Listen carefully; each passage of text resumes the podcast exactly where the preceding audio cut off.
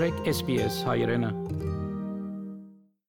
Ողջույն հարգելի ունկնդիրներ, անցաչափաթ է Հայաստանում, Արցախում եւ Սփյուռքում։ Պատերազմից 2 տարի անցել ադրբեջանական ագրեսիան շարունակվում է նոյեմբերի 14-ին ադրբեջանի զինված ուժերի ստորաբաժանումները տարբեր դրամաչափի հրաձգային զինատեսակներից կրակ են բացել հայ-ադրբեջանական սահմանի արևելյան հատվածում տեղակայված հայկական դիրքերի ուղությամբ։ Հայկական կողմը կորուստներ չունի։ Անցած շաբաթ եւս ադրբեջանական կողմը քանիցս խախտել է հրադադարը կրակ բացելով հայկական դիրքերի ուղությամբ։ Ադրբեջանի նախագահը կոպտորեն խախտում է ընդամենը մի քանի օր առաջ ձեռք բերված պայմանավորվածությունները, ընդ որում Սոչիի երակողմ հանդիպման համաձայնությունները գրավոր էին։ Դրանց մեջ կար նաև ուժի կիրառումից եւ ուժի կիրառման սպառնալիքից ձեռնպահ մնալու պահանջ, այս մասին ասել է Հայաստանի վարչապետ Նիկոլ Փաշինյանը գլոբալ էներգետիկ օրակարգը ողջևորել է Ադրբեջանին, բայց կարծում եմ նաև, որ ժամանակն է, որ միջազգային հանրությունը համագործակցաբար կոնկրետ միջոցներ ձեռնարկի տարածաշրջանի խաղաղությանը, կայունությանը, անվտանգությանը, ժողովրդավարությանը ահագնացող սպառնալիք դարձած Ադրբեջանի գործելակերպի առիթով։ Եվրամիության դիտորդների ներկայությունը հայ-ադրբեջանական սահմանին միևնույնն է չի զսպում ադրբեջանական սադրանքները այս հարցին ի պատասխան Փաշինյանն ասել է. Ես չեմ կարծում, թե դիտորդները այստեղ են ամեն օր հայտարարություններ անելու համար։ Կարծում եմ, որ նրանք իրենց գործունեության արդյունքում ավելի խորը հետևություններ պիտի անեն, եւ այդ հետևությունները իմիջայլոց պիտի փոխանցեն նաեւ դելիմիտացիայի գործընթացում ներգրավված անձանց պաշտոնյաներին եւ միջազգային հանրությանը։ Վստահ եմ, որ այդ հետևությունները կլինեն օբյեկտիվ։ Այսինքն նրանք հրադադարի ռեժիմի պահպանման մոնիտորինգ չեն իրականացնում։ Նրանց միսիայությունը ավելի խորն է։ Թուրքիայի արտգործնախարար Մևլութ Չավուշօղլուն Հայաստանի արտգործնախարար Արարատ Միրզոյանին շնորհակալություն է հայտնել ցավակցական ուղերձի համար։ Արարատ Միրզոյանը ցավակցել է Չավուշօղլուին նոյեմբերի 13-ին Ստամբուլի կենտրոնում տեղի ունեցած պայթյունի կապակցությամբ, որի հետևանքով կան դուժազներ եւ զոհեր։ Հայաստանի կառավարության հերթական նիստում վարչապետ Նիկոլ Փաշինյանն իր ելույթում նշել է. «Մենք մեզնից կախված ամեն ջանք կգործադրենք Հայաստան-Ադրբեջան սահմանների դելիմիտացիան հնարավորինս արագ ավարտին հասցնելու, տարածաշրջանային բոլոր տրանսպորտային եւ տնտեսական կապերի ապաշրջափակման, օր առաջ Ադրբեջանի հետ խաղաղության պայմանագիր կնքելու համար, որովհետեւ մենք իրապես եւ անկեղծ նվիրված ենք խաղաղության օրակարգին», ասել է նա։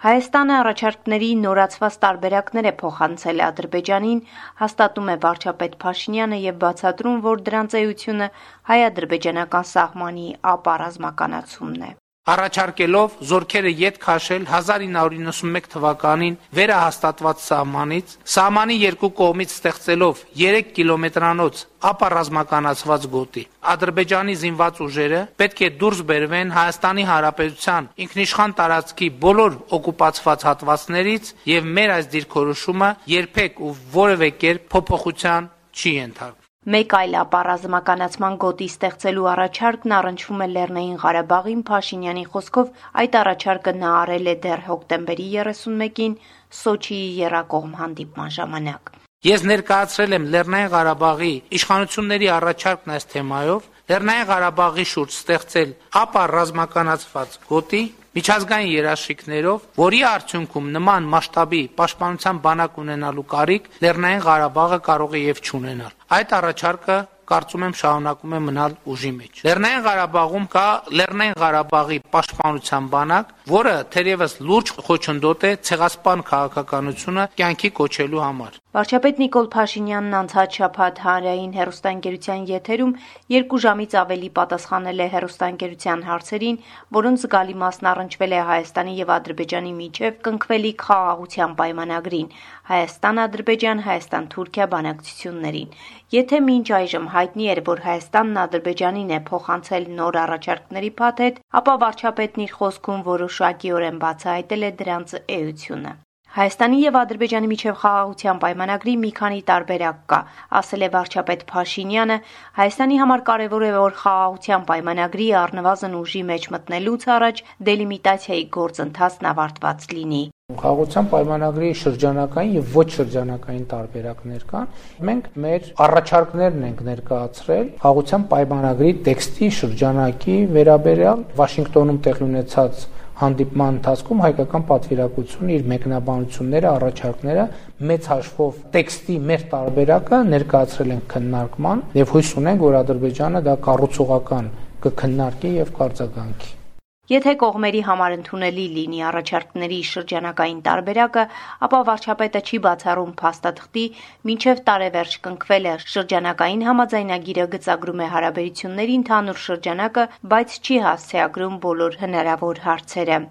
Արցախում դեմ չեն Հայաստանի եւ Ադրբեջանի միջև խաղաղության պայմանագրի կնքմանը, բայց դեմ են, որ խնդիրները փոխկապակցվեն։ Արցախի արտգործնախարար Դավիթ Բաբայանի կարծիքով Հայաստան-Ադրբեջան խաղաղության պայմանագրում Արցախի խնդիրը պետք է հիշատակվի։ Ինչ որ կերպ պետք է ինչ որ անհրադարձ կատարվի։ Մենք իրատես ենք, չենք ուզում ծայրահեղական գաղափարներով հանդես գանք։ Ասենք օրինակ, թող Ադրբեջանը ճանաչի Արցախյան հանրապետության անկախությունը։ Սա իդեալականն է, բայց սա կարող է չէ այդ գործընթացը խափանի։ Բայց մյուս կողմից անթույլատրելի ենք համարում նաև, որ ֆիքսվի, որ Արցախ Ադրբեջանի մաս է։ Սա էլ է մյուս ծայրահեղությունն է որը Ադրբեջանը ձգտում է հասնել։ Մենք ասում ենք լավ, բերեք ծայրահեղականություններից հրաժարվենք, գանք ոսկե միջինը, թողնենք այս հարցը ապագայի վրա, քանի որ անհնարին է կարգավորել այդ հարցը հիմա։ Հայաստանի եւ Արցախի իշխանությունները միակարծիք են, որ ռուս խաղաղապահները առանց անվտանգության երաշխիքների հստակ ձևակերպման ուղակի չեն կարող դուրս գալ Լեռնային Ղարաբաղից։ Ըստ Հայաստանի վարչապետի, անգամ 2025 թվականից հետո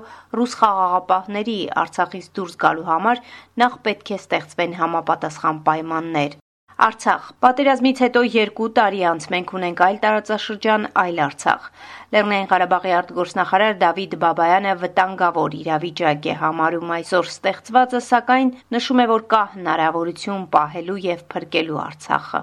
Այս հակամարտությունը դասվում է ամենաբարդ հակամարտությունների շարքերին աշխարհում։ Երևի բարդությամբ ու հավասար է Իսրայելա-Պաղեստինյան հակամարտությանը։ Դրա համար ակնկալել շուտապույտ կարգավորում հնարավոր չէ։ Եվ մենք պետք է ընդհանրապես հասկանանք, որ շուտապույտ կարգավորում եւ առհասարակ խաղաղություն սա դուրեկան հասկացություններ են, բայց նրանց հիմքում ցանկությունը չէ, այլ հավասարակշռվածությունը, ռազմաքաղաքական եւ աշխարհակաղաքական։ Այս սրա մենք պետք է ձգտենք։ Ստեփանակերտում կազմակերպվել է Հայաստան-Արցախ երիտասարդական ֆորում, միջոցառման նպատակն էր համախմբել հայ երիտասարդներին Արցախի եւ Հայաստանի համար օրհասական այս պահերին ոտքի կանգնելու համատեղ ուժերով կանխել վերահաս սպառնալիքները։ Նշել ենք մեր բոլոր հրապարակային հայտարարություններում, որ Արցախը եղել է կա եւ մնալու է հայկական եւ մեր կարգախոսները միշտ եղել են ոչ թրքասմանը եւ ոչ ադրբեջանցիների հետ համատեղ բնակեցմանը։ Այսօր այս նիստի դահլիճում հավաքած երիտասարդներից ոչ մեկը չի պատկերացնում Արցախը Ադրբեջանի կազմում։ Մենք պատրաստ ենք մեր բոլոր գործիքակազմերով, օրենքով թույլատրված գործիքակազմերով եւ մեր ձեռքի տակ եղած բոլոր լծակները օգտագործելով պայքարել հանուն հայկական երկու պետականությունների։ Սփյուռք ժամանակն է պատժամիջոցներ կիրառել Ադրբեջանի նկատմամբ ներառելով այդ երկրին մարդու իրավունքների կոպիտ խախտումներ եւ պատերազմական հանցագործություններ կատարած երկրների ցանկում The Rolling Stone-ում հրապարակված հոդվածում ասել է System of Down խմբի մենակատար Սերժ Թանկյանը Թբիլիսիում հայագիտությունն ավելի քան 100 տարվա պատմություն ունի, այն ուսումնասիրելու անհրաժեշտություն առաջացել է Թբիլիսի պետական համասանի հիմնադրումից անմիջապես հետո։ Սկզբում դասավանդվել են մի շարք հայագիտական առարկաներ, իսկ 1922 թվականին պաշտոնապես բացվել է հայագիտության ամբիոնը։ Այսօր Թբիլիսի Մայրբուհում նշվում է հայագիտության ամբիոնի հիմնադրման 100-ամյակը։ Վրացի հայագետ Լեյլա Ջեջելավան, որ համալսարանում հայ-վրացական ներկա հարաբերություն գիտություններ է դասավանդում, ասում է Թբիլիսի պետական համասանի հիմնադրումից անմիջապես հետո հայագիտությունն ուսումնասիրելու անհրաժեշտությունը վկայում է Հայաստանը Վրաստանի համար կարևոր երկիր լինելու մասին իմ համար որպես հայագետի համար հայագիտության ոչ միայն մասնագիտությունը ինձ համար ամբողջ կյանք է ես զբաղված եմ հայագիտությունով ամեն օրը ամեն օր կարդում եմ, ամեն օր իմանում եմ նորություն Հայաստանի համար, ջուր լեզու չի, բայց հարուստ եւ հետաքրքիր լեզու է։ Լոնդոնում ներկայացվել է զբոսաշրջության ոլորտում Հայաստանի գրավչությունը։ Նոյեմբերի 7-ին Լոնդոնի հայտնի Excel սրահում կազմակերպված համաշխարհային ճամփորդական շուկա ամենամյա ցուցահանդեսին ներկայացվել է Հայաստանի զբոսաշրջության ոլորտը, ոլորտում Հայաստանի ներուժն ու գրավչությունը։ Այսքանը անցնող շաբաթը Հայաստանում, Արցախում եւ Սփյուռքում SBS-ի հայկական ծառայության համար ամփոփեց Գիտայլի Բեկյանը։